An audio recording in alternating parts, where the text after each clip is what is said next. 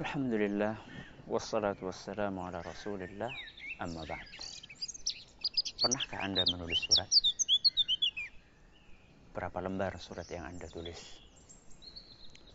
Kemudian jauhkah alamat yang anda tuju? Anda mungkin pernah menulis surat 10 lembar misalnya Pada seorang teman lama anda Karena anda begitu rindu dengan dia Anda curahkan seluruh isi hati anda Kemudian karena Anda pengen cepat surat itu sampai, Anda menggunakan jasa pengiriman yang kilat khusus. Kalau perlu ada yang double kilat khusus. Setelah Anda tunggu sehari, dua hari, tiga hari, empat hari, ternyata gak ada balasan. Sebulan gak ada balasan.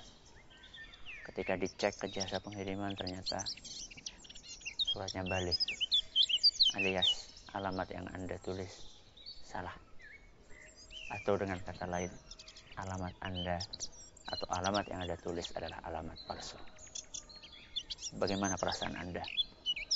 Kecewa? Kesel? Atau bagaimana?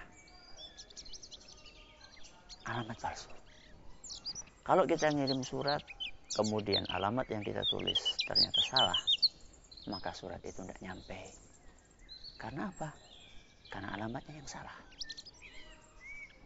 Kalau kita beribadah sama Allah, kita pengen nyampe ibadah itu sama Allah.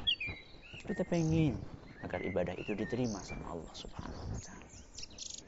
Tapi sadarkah kita bahwa tidak setiap ibadah yang kita lakukan itu akan sampai kepada Allah Jalla. Tidak setiap amalan yang kita kerjakan itu akan diterima sama Allah Jalla. Sadarkah kita itu? Kalau kita salah cara dalam beribadah. Ibadah itu nggak akan nyampe sama Allah Subhanahu wa taala. Tidak akan diterima sama Allah Jalla Ustaz kok mengatakan seperti itu? Masalah diterima tidaknya ibadah kan terserah Allah. Sebagaimana yang sering disampaikan oleh sebagian orang ketika mereka mengatakan, udahlah nggak usah mengkritik amal ibadah orang lain Toh kamu juga belum tentu amal ibadah kamu diterima sama Allah Jalla wa'ala. Masalah diterima tidaknya amalan seorang hamba itu adalah kembali kepada hak prerogatif Allah Jalla wa'ala. Kita hanya bisa berusaha. Jadi nggak usahlah kamu itu mengkritik amalan yang dilakukan oleh orang lain. Kita katakan oke okay, kalau masalah diterima tidaknya suatu amalan itu memang betul ya. Itulah hak prerogatif Allah Jalla wa'ala. Tapi jangan lupa kita perlu berusaha. Ya.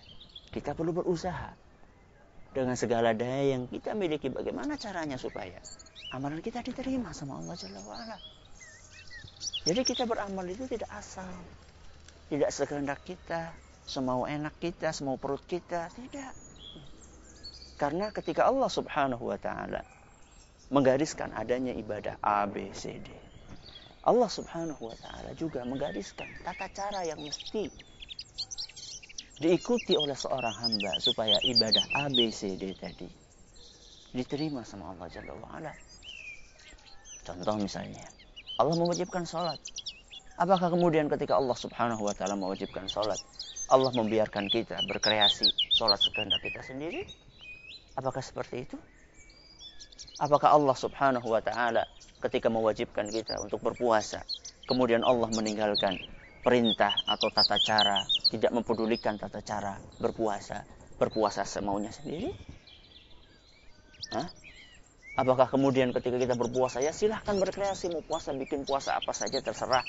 Nah, mau bikin puasa pati geni apa puasa ngebleng atau puasa ngelowong atau puasa ngidang atau puasa mutih terserah. Apakah seperti itu? Tidak.